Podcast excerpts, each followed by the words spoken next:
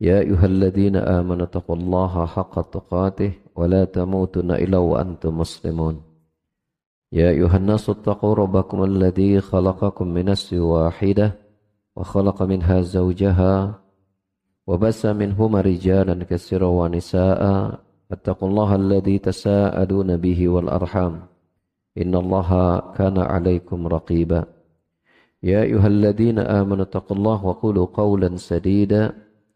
يصلح لكم أعمالكم ويغفر لكم ذنوبكم ومن يطع الله ورسوله فقد فاز عظيما أما بعد Bapak-bapak dan ibu-ibu para jamaah yang hadir di Masjid Al-Ukhwah Bandung yang semoga Allah rahmati kita semua serta para pendengar dan pemirsa yang bergabung di Tarbiyah Sunnah Media pada kesempatan sore hari ini kita insya Allah akan membahas sebuah tema yang ini erat kaitannya tentu dengan ibadah saum Ramadan kita yaitu berjudul Hibtul Lisan ya menjaga lisan lisan merupakan satu di antara nikmat yang terbesar yang Allah berikan kepada seorang hamba. Saking besarnya nikmat ini, kita dapati ada seorang ulama bernama Abu Qilabah yang memiliki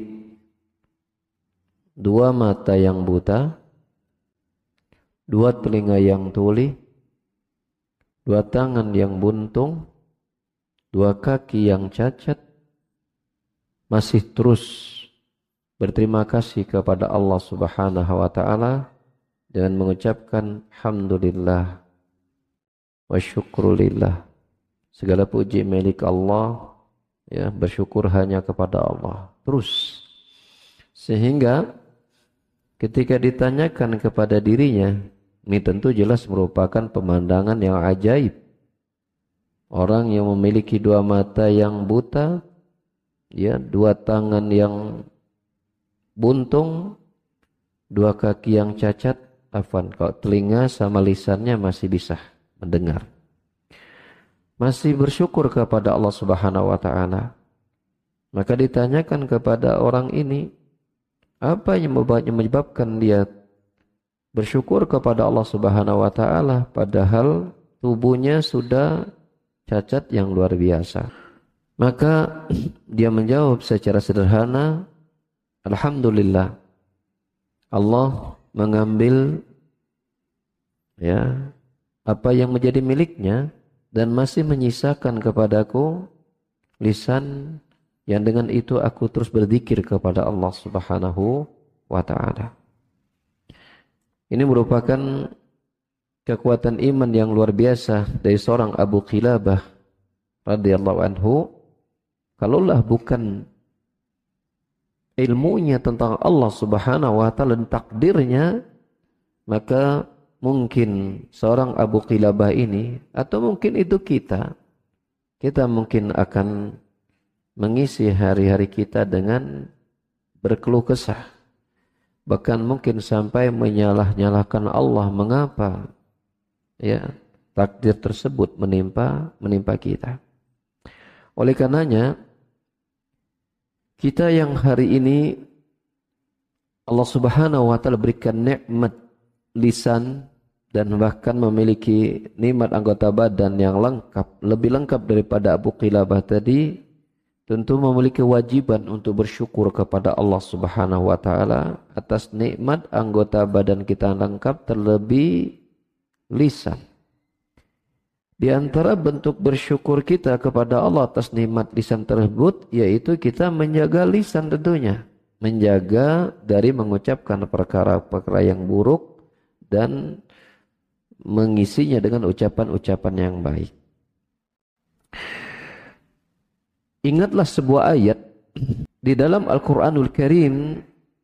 Allah Ta'ala berfirman yang terdapat pada surat Qaf ayat 18 Allah berfirman rajim. Ma yalfidhu min qawlin illa ladaihi raqibun atid. Tidak ada satu ucapan tidak ada satu ucapan yang dilafazkan kecuali pada ucapan tersebut ada raqibun atid ada malaikat yang senantiasa mengawasi dan selalu mencatat Oleh karena itulah, sekecil apa pun yang diucapkan oleh kita sebagai seorang hamba, mesti harus kita perhatikan. Karena dia dicatat. Ya, sekecil apa pun ucapan tersebut dapat menentukan surga dan nerakanya kita. Sampai-sampai Nabi sallallahu alaihi wasallam menegaskan hal ini. Beliau berkata sallallahu alaihi wasallam, "Innar rajul la yatahaddasu bil kalimati min sukhtillah la yulqi biha bala yahwi biha fin nari sab'ina kharifan wa inna rajul la yatahaddasu bil kalimati min ridwanillah yaktubullahu lahu biha ridwanahu ila yaumin yalqahu kata beliau sallallahu alaihi wasallam yang artinya sesungguhnya ada seseorang di mana dia mengucapkan suatu ucapan yang ucapan tersebut mengundang murkanya Allah yang dia menganggap remeh ucapan tersebut. Dia tidak sadari ternyata ucapan itu mengundang murkanya Allah Subhanahu wa taala yang ucapan yang dia anggap remeh tadi memasukkannya ke dalam neraka 70 tahun. Ya, dan sebaliknya ada seseorang yang mengucapkan suatu ucapan yang mengundang ridhonya Allah. Lalu dengan itu Allah subhanahu wa ta'ala mencatatkan keridoan Allah kepada dirinya sampai hari di mana dia bertemu dengan Allah subhanahu wa ta'ala. Hadis ini sangat jelas memberikan pelajaran berharga kepada kita.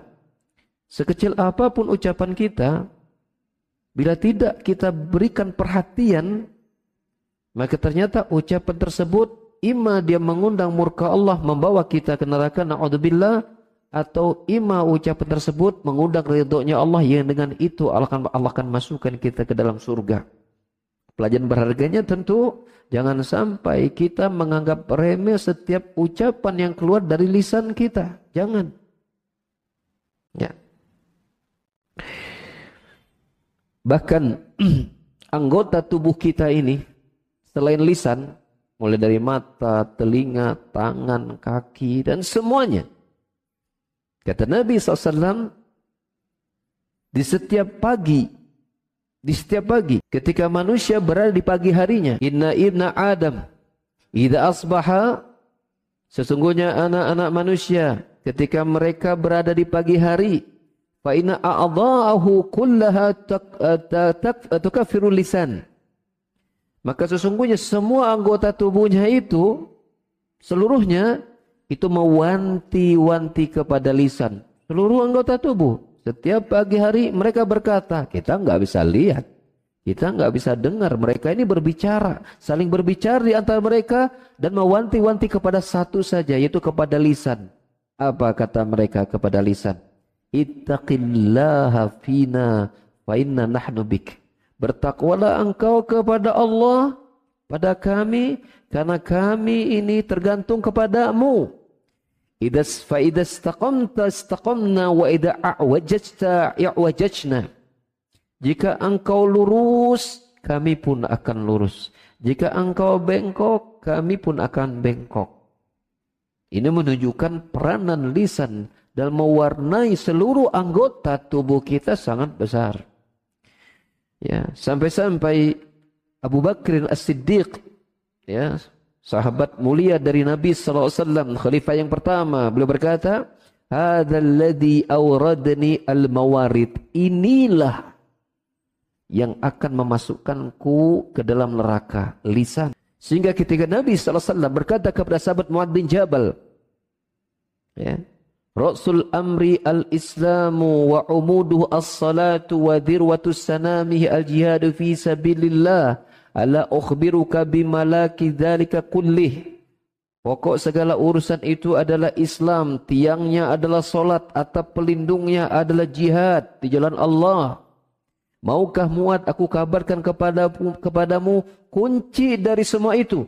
Kunci seseorang akan bagus dalam Islamnya. Kunci seseorang yang solatnya akan baik. Kunci seseorang yang kemudian mendapatkan pala jihad. Maka Mu'ad menjawab, Bala ya Rasulullah, mau ya Rasul. Fa'akhadha bilisani. Faqal kufa alaika hada. Lalu kemudian Nabi memegang lidahnya, memegang lisannya, lalu berkata, tahan olehmu ini. Lalu kemudian Muad bertanya, Ya Nabi Allah, wahai Nabi Allah, A inna lamu akhaduna bima natakallamu bi? Wahai Nabi Allah, apakah kita ini akan dihukum disiksa oleh Allah akibat apa yang kita ucapkan? Faqala Rasulullah SAW, lalu Rasul berkata, Saqilatka ummuk, celaka engkau wahai Mu'ad. Alaysa yakubun nas fin nari ala wujuhihim atau ala manakhirihim hasaida alsinatihim? Bukankah disungkurkannya manusia itu ke dalam neraka di atas wajah-wajah mereka atau di atas ujung-ujung hidung mereka. Bukankah itu semua akibat dari lisannya? Akibat dari lisannya. Maka kita kembali kepada hadis tadi. Nabi SAW ingatkan ada seseorang yang mengucapkan suatu ucapan yang dia tidak menuh perhatian sama sekali pada ucapan tersebut. Tetapi ucapan itu mengundang murkanya Allah. Yang dengan itu dia dimasukkan dalam neraka 70 tahun. Pun sebaliknya, bila hamba tersebut ada mengucapkan ucapan yang dianggap biasa.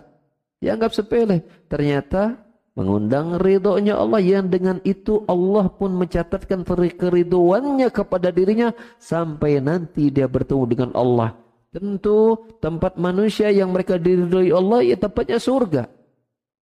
Kalau neraka tempat yang dimurkai, diridhoi tempatnya surga. Tidak ada tempat yang lain. Tempat yang Allah ridhoi kecuali surga. Maka oleh karena itu menjaga lisan terlebih di bulan Ramadan harus kita berikan perhatian lebih besar daripada di luar bulan Ramadan. Betul, di bulan bulan Ramadan ya ada dosa di situ. Tapi dosa lisan di bulan Ramadan lebih besar. Tentu ada zikir yang diucapkan bulan Ramadan berpahala di situ. Zikir diucapkan bulan Ramadan lebih besar pahalanya. Maka oleh karenanya Nabi mengingatkan tentang pentingnya menjaga lisan terutama di bulan Ramadan agar kaum seseorang itu tidak berkurang atau hilang pahalanya sama sekali. Dalam sebuah hadis riwayat Bukhari, beliau sallallahu alaihi wasallam sabda, "Man lam yada' qawla zuri wal 'amala bihi falaysa lillahi hajatun fi ayyada' ta'amahu wa syarabahu." Ya, barang siapa yang tidak meninggalkan ya ucapan dusta dan pengamalannya, maka Allah tidak butuh dia meninggalkan makan dan minumnya. Jadi artinya bila seseorang berfikir bahwa puasa itu hanya menahan lapar dan haus saja, tapi kemudian lisannya tidak dia jaga. Mungkin di sana dia gibah, mungkin di sana dia mencela, mungkin di sana ini dan itu. Ternyata lapar dan hausnya tidak memberikan pahala untuknya dan Allah tidak membutuhkan lapar dan hausnya. Kalau bahasa kita apa? Kalau kata Ustadz sering mengancapkan apa katanya? Capek gawe teka pake barijang diteke. Ya begitu ya. Sudah lelah badan menahan lapar. Sudah berat kerongkongan menahan haus. Tetapi tidak mendapatkan pahala akibat lisan yang dusta. Akibat lisan yang tak dijaga. Di antara Ucapan lisan yang juga harus kita jaga terlebih di bulan Ramadan adalah al-mazah. Bersendak gurau. Berguyon. Waqad yu'aqibuhu an-nadamah. Karena kadang-kadang ada guyonan-guyonan itu yang menyakitkan hati orang yang mendengar guyonan tersebut. Niat hati orang berguyon itu untuk menyenangkan orang yang mendengarnya, tapi di sana ada yang tersinggung dengan guyonan tersebut. Akhirnya menyesal. Inilah maksud, salah satu maksud dari ucapan Nabi SAW ketika ada seseorang yang minta wasiat kepada beliau. Ya, dalam hadis surat Imam Ahmad. Ya, ada seorang laki-laki, ya, itu bertanya kepada Nabi SAW. Ya, dengan berkata, Ya Rasulullah itni wa aujis. Ya Rasulullah SAW berikan wasiat kepadaku tapi yang singkat saja. Yang singkat saja. Maka Rasulullah SAW memberikan tiga nasihat. Salah satunya adalah, Wala takallam bikalamin ta'tadihu minhu ghada. Janganlah engkau mengucapkan suatu ucapan yang engkau akan sesali nanti. Maknanya dua. Ima di dunia kita menyesal. Kok bisa kita mengucapkan itu tadinya guyon tapi buat orang itu tersinggung nyesal ya mana kedua penyesalan di hari kiamat kita mengucapkan satu ucapan yang ternyata dicatatkan dosa oleh Allah Subhanahu wa taala. Maka terlebih di bulan Ramadan ini hati-hati kita dengan bersendak gurau dengan berguyon.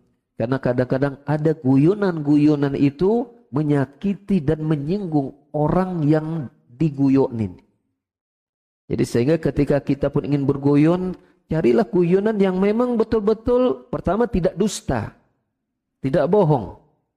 Ya, yang kedua yang membuat orang yang diguyoni memang ya senang, happy dan seterusnya.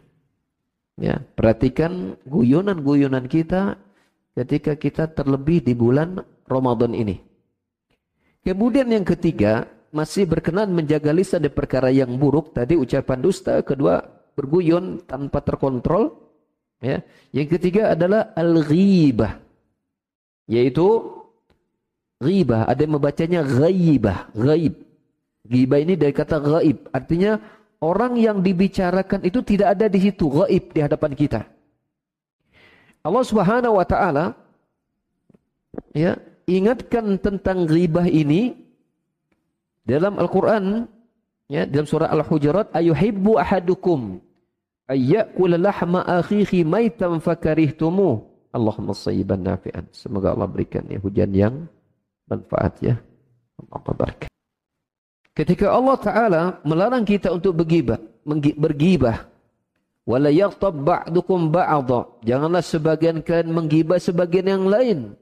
Apakah Ya, senangkah salah seorang dari kalian memakai bangkai saudaranya? Tentu tidak suka. Kalau memakan bangkai saja, ini bangkai hewan.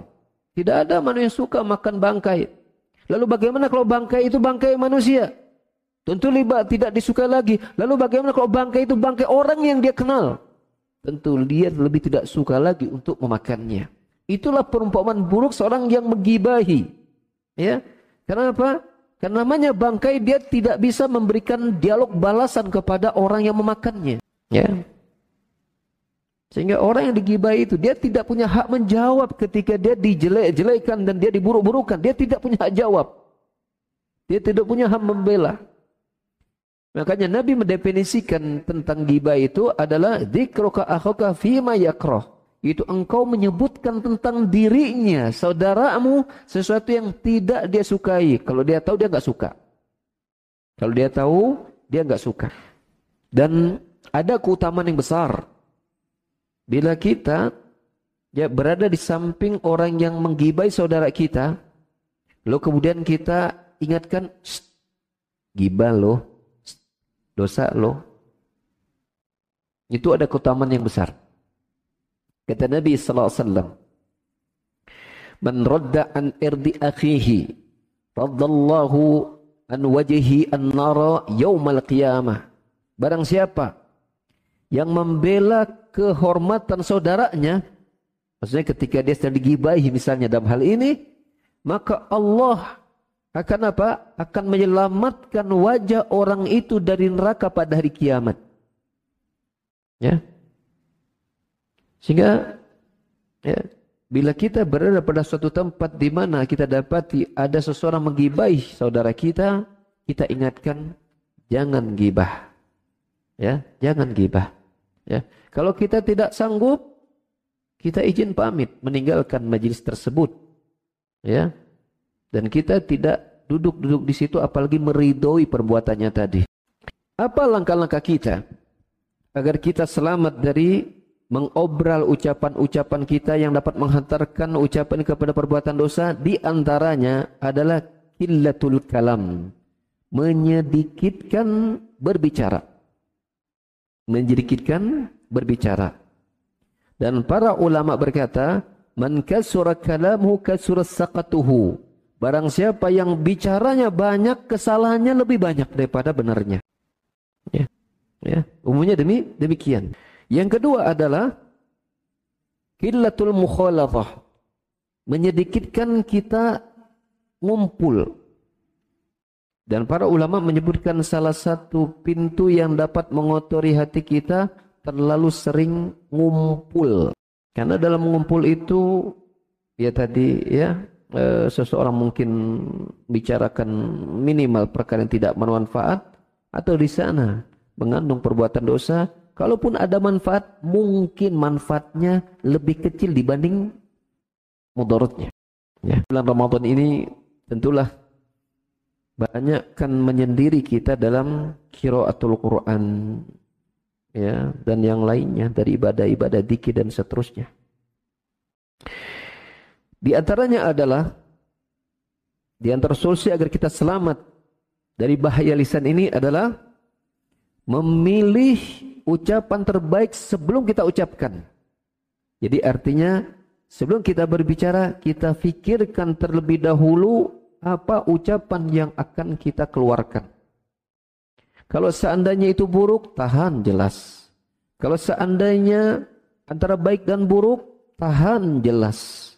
Kalau seandainya ini baik, pikirkan lagi ada yang lebih baik atau tidak.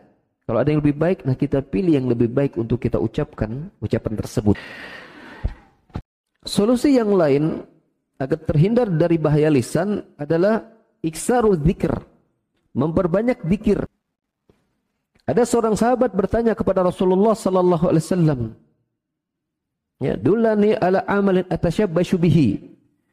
Ya, dia berkata, ya bahwa al-a'mal kesir amalan itu kan banyak dalam Islam ini ya Rasulullah SAW.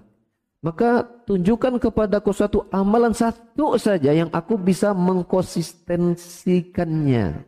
Satu saja, jangan banyak. Satu saja yang aku bisa terus lakukan. Apa nasihat Rasul kepada sahabat ini? La tazalu lisanaka ratban min dzikrillah. Hendaklah lisanmu itu selalu basah dengan berzikir kepada Allah Subhanahu wa taala. Dan banyak zikir. Ya. Banyak zikir. Dan zikir yang terbaik bulan Ramadan zikir yang terbaik bulan Ramadan adalah apa? Qiraatul Quran. Membaca Al-Quran. Allah menyebut, menyebut menyebutkan sifat Al-Quran itu dengan adzikr fas'ahlu ala dzikr in kuntum la ta'lamun bertanya kepada ahlul Quran jika kalian tidak mengetahuinya. Inna hadza la dzikra liman kana al-qawma al-qasam wa huwa wa huwa syahid. Ya Allah menyebut dzikr. Al-Quran dzikr. Maka afdalul dzikr qiraatul Quran. Sebaik-baik dzikir adalah baca Quran. Dan kita semua jamaah telah tahu Al-Quran itu turun bulan Ramadan. Dan kita tahu Jibril alaihissalam Nabi Muhammad sallallahu alaihi wasallam menyibukkan diri dengan sa dengan membaca Al-Qur'an. Dengan baca Al-Qur'an. Ibnu Abbas radhiyallahu anhu dalam hadis sahih riwayat Muslim menggambarkan keadaan Nabi sallallahu alaihi wasallam bersama malaikat Jibril bulan Ramadan. Kana Nabi sallallahu alaihi wasallam ajwadan nas wa ajwadu ma yakunu fi hina yalqa Jibril wa yudarisul Qur'ana wala Rasulullah sallallahu alaihi wasallam ajwadun nas fil khairi min rih al mursala. Ibnu Abbas menggambarkan keadaan Nabi SAW, beliau adalah sosok yang sangat dermawan. Dan kedermawanannya meningkat tajam tatkala bulan Ramadan ketika Jibril menemuinya untuk mengajarkan Al-Quran. Adalah Rasulullah SAW Orang yang sangat dermawan dalam kebaikan mengalahkan angin yang berhembus. Lihat ikhwas sekalian. Di tiap Ramadan, Jibril dan Nabi Muhammad menyibukkan diri dengan Al-Quran. Ya. Di setiap Ramadan, Nabi menyetorkan hafalan Al-Quran 30 juz kepada Jibril alaihissalam dan di tahun beliau wafat beliau menyetorkannya dua kali. Menyetorkannya dua dua kali. Ini juga diikuti oleh para sahabat-sahabat Nabi dan para ulama-ulama juga banyak menutup majelisnya untuk sibuk baca Quran. Untuk sibuk baca Quran. Ya. Dan riwayat yang sangat populer ya. Di antaranya adalah Alimah Asy-Syafi'i rahimahullah taala ya Imam Syafi'i rahimahullah taala menghatamkan Al-Qur'an di, di dalam bulan Ramadan di luar salat setiap harinya beliau khatam dua kali. Jadi Imam Syafi'i nih kalau misalnya hari ini hari kedua Ramadan nih, itu Imam Syafi'i sudah empat kali khatam. Sudah empat kali khatam. Kita ini satu hari ngejar 10 juz aja itu ngos-ngosan. Satu hari ngejar 10 juz itu ngos-ngosan. Ingin apa tiga hari khatam itu susahnya luar biasa. Kalaulah kita belum sekuat sehari dua juz seperti Imam Syafi'i paling tidak bisa tidak kita ngejar target Ramadan kali ini dua kali khatam. Dua kali khatam ya. Dua kali khatam itu, itu sudah cukup menyedot waktu kita untuk baca Quran. Sahih. Tes saja kalau nggak percaya. Dua juz. Ya. Target tahun ini, Ramadan sekarang, dua kali khatam, itu sudah akan menyedot banyak waktu kita. Yakinlah. Yakinlah. Dan berbahagialah. Bila anda sudah biasa khatam dua juz, anda insya Allah bisa tiga juz. Yakinlah itu. Karena apa? Karena untuk sampai target dua juz itu butuh strategi waktu yang ketat. Untuk bisa khatam dua juz butuh strategi waktu yang ketat. Tidak boleh banyak santai, nggak nggak kurangi tidur, mata ngantuk harus dilap. Hal yang negatif itu ya dengan membaca Quran, menghatamkan Al-Quran. Ya. Jangan terlalu sibuk kita baca WA Jangan terus sibuk lihat tontonan-tontonan kurang bermanfaat apalagi ngandung dosa. Ini Ramadan men, Ramadan. Jangan samakan sikap kita Ramadan dengan luar Ramadan, jangan. Kita tidak tahu, bisa jadi ini Ramadan kita yang terakhir, kita nggak tahu. Setiap detik Ramadan kita ini memberikan pengaruh besar pada surga kita. Jangan sia-siakan. Ya, kalaulah itu tidak mengandung dosa ini mubah, jangan terlalu banyak dengan amalan yang mubah. Dan saya sering menyampaikan berulang-ulang. Langkah kelima, setan menggoda manusia kata Ibnu Qayyim rahimahullah taala adalah apa? Mengajak manusia menyibukkan dengan amalan mubah. Sibuk dengan amalan mubah, tidak dosa. Mubah disibukkan dan lalai dari mencari pahala dari waktu yang Allah siapkan. Sahih. Setan ingin waktu kita habis dengan tanpa pahala. Dan kalau ada peluang dibuat dosa, dibuat dosa. Tapi masuknya dari pintu mubah dulu. Jadi saya suka nanya, baca WA hukumnya apa? Wajib, sunnah, mubah, makruh, haram. Apa hukumnya? Mubah. Nonton YouTube. Secara umum loh ya. Hukumnya apa? Mubah. Lihat ini dan itu hukum apanya? Mubah. Tapi lihat pada jamaah sekalian, kata Ibnu Qayyim rahimahullah taala, di antara langkah setan adalah apa? Menyibukkan manusia, menghabiskan waktunya dengan amalan yang mubah dan lalai dari cari pahala. Itu. Jadi Ramadan ini peluang kita cari pahala besar. Maka jangan kita biarkan ya jangan terlalu banyak tidurlah Tidur boleh. Apalagi kalau udah capek, puasa itu memang melelahkan, tidurlah. Tapi tidur jangan jadi menu utama ketika Ramadan.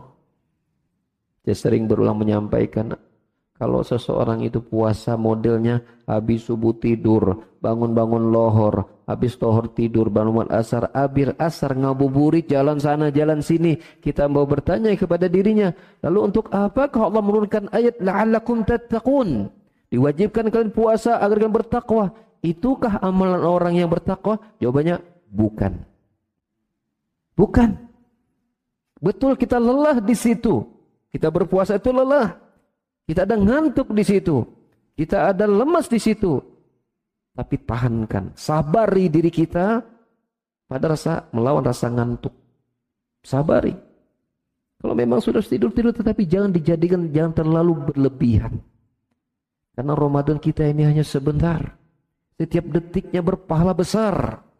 Jangan sampai kita sia-siakan dengan terlalu banyak tidur. Atau kalau bangun jangan terlalu sibuk dengan amalan-amalan yang mubah. Karena dari pintu amalan mubah inilah nanti syaitan akan masuk kepada pintu yang haram. Dan saya juga ingin ingatkan kepada para jamaah di sini. Hati-hati kita dengan YouTube. Hati-hati. Sekarang ini mata kita sering kali sudah mungkin parahnya itu sudah tidak menganggap memandang perempuan buka aurat dosa. Sahih. Coba lihat YouTube. Berbagai macam tontonan, mungkin tentang pertanian ada perempuan di situ. Tentang perikanan ada perempuan di situ, tentang angkasa ada perempuan di situ, tentang lalu lintas ada perempuan di situ. Bahkan tentang masjid ada perempuan buka aurat di situ. Tapi kita suatu tidak terusik, ini aurat nih. Karena kita fokus pada apa sih kontennya. Maka mata ini mulai terbiasa dan menganggap lezat berbuat do, dosa mata. Jabir bin Abdullah radhiyallahu anhu memberikan wasiat. Ini sahabat Nabi SAW dalam hadis Bukhari.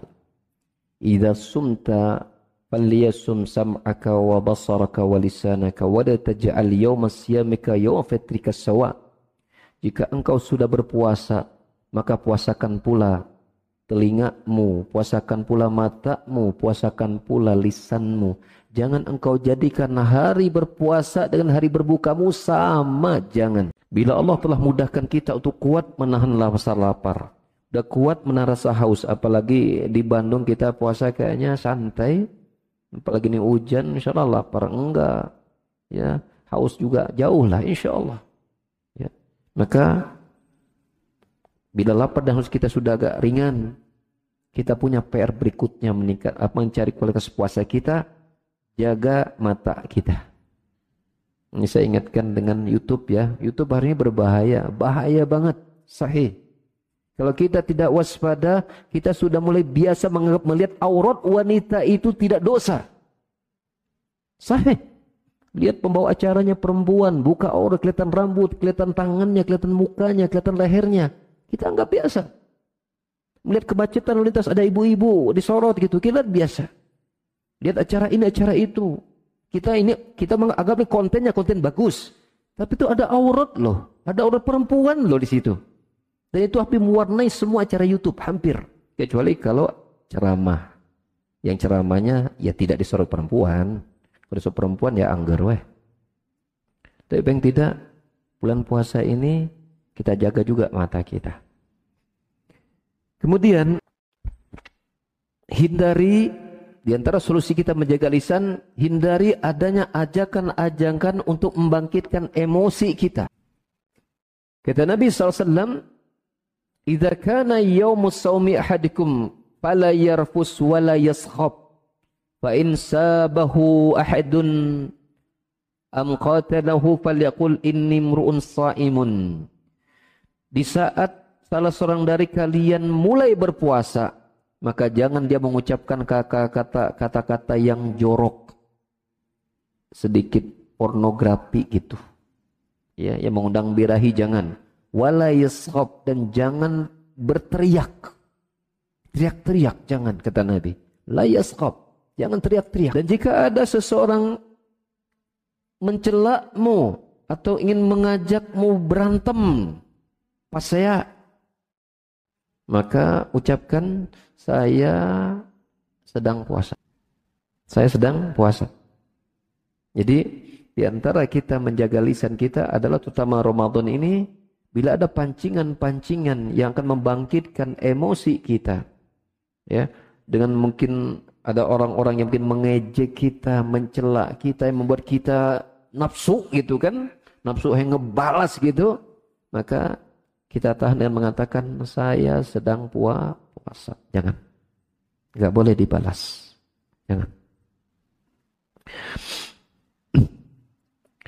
Penutup dari materi saya pada hari ini yaitu kita ingin menukilkan beberapa ucapan, beberapa ayat uh, adanya ayat dan hadis-hadis Nabi SAW yang membuat kita memperhatikan lisan kita. Yang pertama, yaitu terdapat dalam surat Al-An'am ayat 69. Allah Ta'ala berfirman, wa ma 'alal ladzina yattaquna min hisabihim min bisa jadi ada orang yang bertakwa itu hisapnya tidak memiliki hitungan apa pun.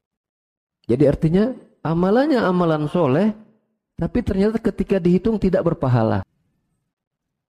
Dan ini senada dengan ucapan Nabi sallallahu alaihi wasallam Ketika beliau bertanya kepada para sahabatnya, "Atadruna manil muflis?" Kalian tahu tidak tentang siapa itu orang yang bangkrut? Ini hadis hadis bangkrut ini penting Bapak-bapak dari Ibu sekalian, penting. Ya. Pahami tentang hadis bangkrut, muflis. Bangkrut. Nabi bertanya, "Apakah kalian tahu siapa orang yang bangkrut?" Tentu para sahabat berpikirnya bangkrut itu konteksnya berarti dunia nih. Gitu kan? Maka beliau berkata, para sahabat menjawab, Al-muflisu fina man la dirhama lahu wala ya wala mal. Ya, wala mata'. Orang yang bangkrut ya pada pada kami itu adalah dia dirhamnya udah enggak ada, barangnya juga habis. Jadi harta ludes barang habis. Tapi kemudian Rasulullah SAW ya arahkan kepada para sahabat bahwa bangkrut ini adalah bangkrut di akhirat, bukan bangkrut dunia. Maka beliau bersabda, "Al-muflisu min ummati." Ya. Adapun orang yang bangkrut dari umatku itu adalah man ya'ti yaumal qiyamah bisalatin wa siyamin wa zakatin wa ya'ti wa qad syatama hadha وقد وقذف هذا وكلم لهذا وسفك الدم هذا وضرب هذا Orang yang bangkrut dari umatku adalah seseorang yang datang pada hari kiamat dengan membawa pahala salat, pahala puasa, termasuk puasa Ramadan. Membawa pahala salat, membawa pahala puasa, membawa pahala zakat. Ini amalan yang susah-susah ini. Salat itu Perlu sabar untuk terus konsisten. Belum lagi tapi tentang khusyuknya. Susah luar biasa. Puasa juga begitu. Bukan amalan yang mudah. Zakat demikian melatih. Dia harus kita harus belajar membuang kebakhilan, kekikiran diri kita. Amalan yang tidak ringan. Maka orang ini mendapatkan pahala dari puasa, dari amalan-amalannya ini. Dari solatnya, puasanya, zakatnya. Tetapi, tetapi, ya ini kisahnya kan di hari kiamat. Dia dapat didatangkan kepadanya pahala-pahala tadi. Tapi bersamaan dengan itu di dunianya, ya, dia mencela si fulan. Menuduh si fulan. Mungkin menuduh wanita baik sebagai wanita pezina. Menuduh orang soleh dengan tuduhan yang buruk. Wa aklam mali hadha, memakan harta si fulan. Mungkin dia ambil dengan cara menipu, korupsi dan yang lainnya dengan mencuri dan seterusnya. Dami hada. Dia mengucurkan darah si fulan. Ya, dia bunuh tanpa alasan yang benar. Wa memukul si fulan. Dipukul tanpa alasan yang benar. Wa tu'tahada min hasanatih. Maka kemudian pahala-pahala orang tadi yang dia membawa pahala solatnya, pahala puasanya, pahala zakatnya oleh karena dia mendolimi orang lain, ya, menyakiti mereka, mungkin dengan lisannya, dengan tangannya, mengambil hartanya, bahkan sampai membunuhnya. Maka pahala-pahala yang dia kumpulkan dengan lelah sepanjang hidupnya, itu diberikan kepada orang yang dia dolimi. Diberikan kepada orang yang dia dolimi. Wa idha funiyat kalau seandainya pahalanya sudah habis, ya, Qabla ayyaqdiya ma'alaihi sebelum dosanya itu diselesaikan ukhida min khatayahum faturihat alaihi maka dosa-dosa orang yang dia dolimi itu ya diambil dan dipindahkan kepada dirinya summa turiha lalu kemudian orang ini dilemparkan ke dalam api neraka. Dan di sini kita lihat para jamaah sekalian, Rasulullah menggambarkan menggambarkan orang ini orang soleh loh di satu sisi loh. Dia salat, dia saum, dia zakat, dia rajin sedekah. Ya. bantu orang, suka sedekah, dia juga rajin salat, rajin puasa. Tapi ketika lisannya dia gibahi orang lain, tangannya dia mukul ya, tanpa alasan yang benar. Harta orang lain dia ambil mungkin dengan mencuri, menipu, korupsi dan seterusnya. Ya, kerja keras dia dan mengumpulkan pahala itu akhirnya ditransferkan secara gratis kepada orang yang dia zalimi. Maka betullah kata Nabi sallallahu alaihi wasallam, barang siapa yang tidak meninggalkan ucapan dusta, ya, menggibahi orang lain, mencelah manusia, Allah itu enggak butuh dia lapar dan haus, enggak butuh. Dan kita ingatkan pula tentang sebuah hadis Nabi yang lain, al-muslim man silal muslimuna min wa. Orang muslim itu bila saudara-saudara muslim itu yang lain selamat dari lisan dan tangannya. Nabi mendahulukan lisan sebelum tangan. Mengapa? Karena satu, ya, menyakiti dengan lisan itu itu lebih mudah daripada menyakiti dengan tangan. Untuk menyakiti lisan cukup gerakkan lidah saja, langsung dosa. Tapi untuk tangan dia butuh usaha lebih. Yang kedua, kerusakan yang dilakukan oleh tangan itu mungkin hanya satu gini. Tapi lisan itu bisa merusakkan satu negara bahkan satu desa, satu kampung dengan provokasi ini dan itu bisa berperang dua kampung bahkan dua negara akibat opini yang dibangun oleh lisan. Maka seorang muslim hakikatnya bila saudara-saudara yang muslim itu aman dari gangguan lisan dan tangannya. Dan Rasulullah SAW pun mengaitkan benarnya iman seseorang kepada Allah dan akhir dengan dia hanya memilih ucapan yang baik atau dia lebih baik memilih di diam. Man kana yu'minu billahi akhir falyakul khairun aw liyasmut. Barang siapa yang beriman kepada Allah dan hari akhir, hendaklah dia mengucapkan ucapan yang baik atau lebih baik dia di diam. Yang terakhir, ya, yaitu ucapan sahabat Abdullah bin Mas'udin radhiyallahu anhu. Dia pernah berkata, ya dia berbicara kepada dirinya sendiri. Dia berkata, "Ya lisan, Kul khairan taghnam. Waskut an syarrin taslam qabla an tandam. Wahai lisan. Ya, ini Ibnu Mas'ud berkata kepada lisannya sendiri, wahai lisan, ucapkan saja olehmu yang baik-baik saja maka engkau akan beruntung. Dan diamlah engkau dari keburukan, maka engkau akan selamat sebelum nanti engkau menyesal. Menyesal dunia, menyesal akhirat. Ya. Dan hari ini pekerjaan lisan kita sudah banyak diwakili oleh dua jempol kita. Nah, ini wakil lisan kita dengan dua jempol. Kita ngetik ini, ngetik itu. Itu lisan kita. Maka jangan sampai apa yang kita ketik itu mengandung dosa. Karena yang tertulis itu adalah wakil dari lisan kita. Ya. Dan beruntunglah seseorang bila kemudian dari lisannya ya menyibukkan dengan baca Quran, menyibukkan dengan berzikir, menyibukkan dengan istighfar dan yang lainnya. Karena Nabi SAW bersabda, ya, Tuba liman wajada fi sahifati istighfaran katsira. Beruntunglah seseorang yang mendapatkan catatan amalnya itu dipenuhi dengan banyak istighfar. Kita banyak dosa dengan lisan kita, tapi bila tiap waktu kita banyak istighfar, astaghfirullah, astaghfirullah, astaghfirullah, astaghfirullah, kita akan beruntung kata Nabi SAW. Lebih kalau kita bisa baca baca sayyidul istighfar, baca dan zikir pagi dan petang, sayyidul istighfar. Ya, penghulunya istighfar. Allahumma anta rabbi la ilaha anta khalaqtani wa ana 'abduk sampai selesai. Kita baca. Yang kata Nabi dalam hadis Bukhari, ya wajabat lahul jannah. Bila orang itu baca, maka dia berhak mendapatkan surganya Allah Subhanahu wa taala. Ya.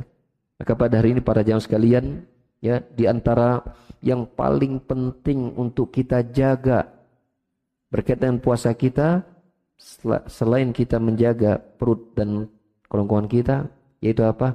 Jaga lidah jaga lidah. Jangan terbanyak ngobrol pada perkara yang nggak penting. Jaga jempol kita Jangan menulis sesuatu yang nanti bernilai dosa.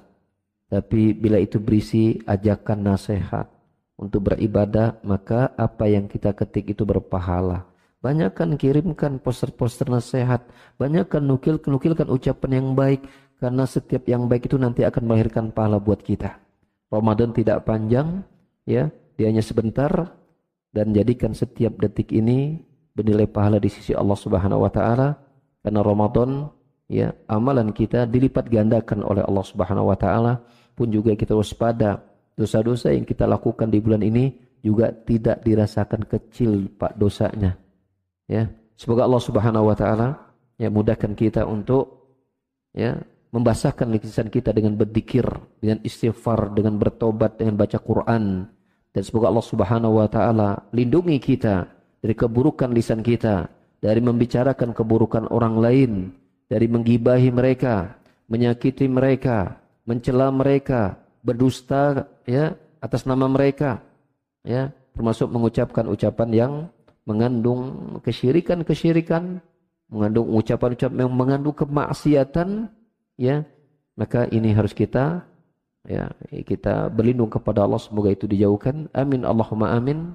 Demikian barangkali para jamaah sekalian ya yang bisa kita sampaikan pada materi kita pada hari ini. Mudah-mudahan materi ini dapat melengkapkan ilmu kita bagaimana kita mensikapi Ramadan kita dengan baik dan semoga Ramadan kita tahun ini menjadi Ramadan yang semua amalan kita Allah terima.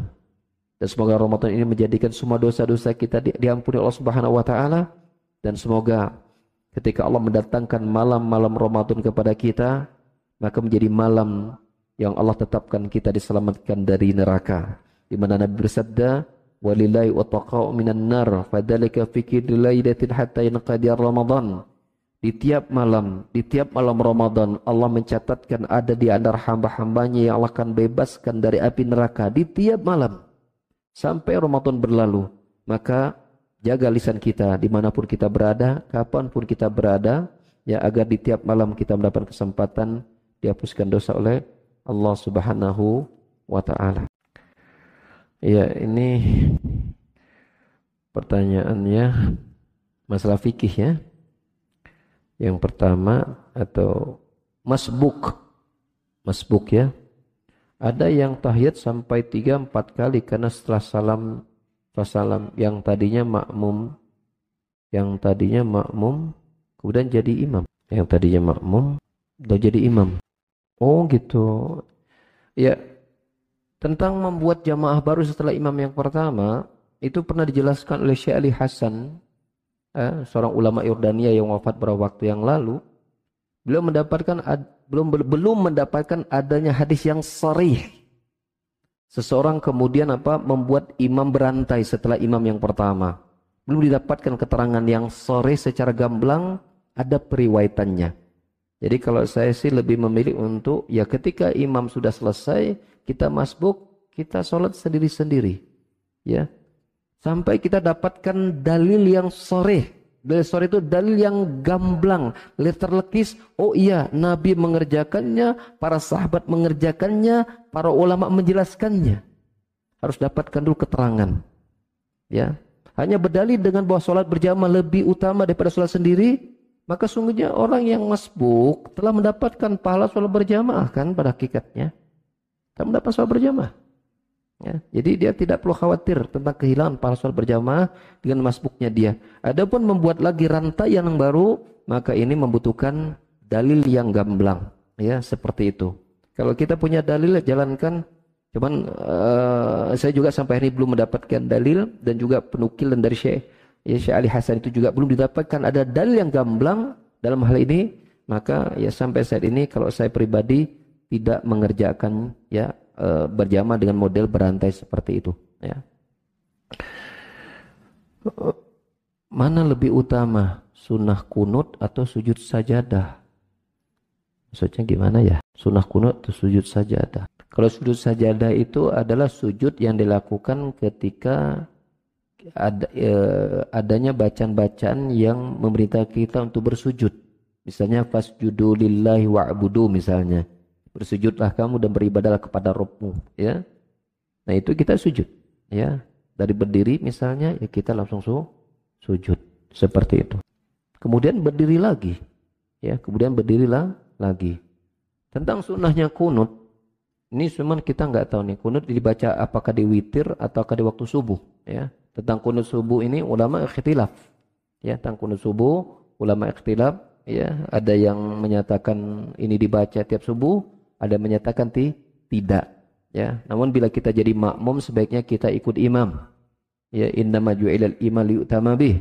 Dijadikan imam itu untuk diikuti. Maka bila kita ya tidak pakai kunut tapi imamnya kunut, ikuti saja imam. Itu lebih uh, lebih menjalankan hadis Nabi imam untuk di, diikuti. Tentang periwayatan memang terjadi perbedaan pendapat para ulama tentang kunut subuh, kunut subuh ya. Allah alam besar. Kita cukupkan kajian kita. Ya semoga Allah Subhanahu wa taala jadikan kajian kita majlis kita majlis ilmu yang bermanfaat dan melahirkan amal soleh. Allah terima. Amin. Allahumma amin. Jazakumullah khairan wa barakallahu fikum. Subhanakallahumma hamdika asyhadu an la ilaha illa anta astaghfiruka wa atubu ilaik assalamualaikum warahmatullahi wabarakatuh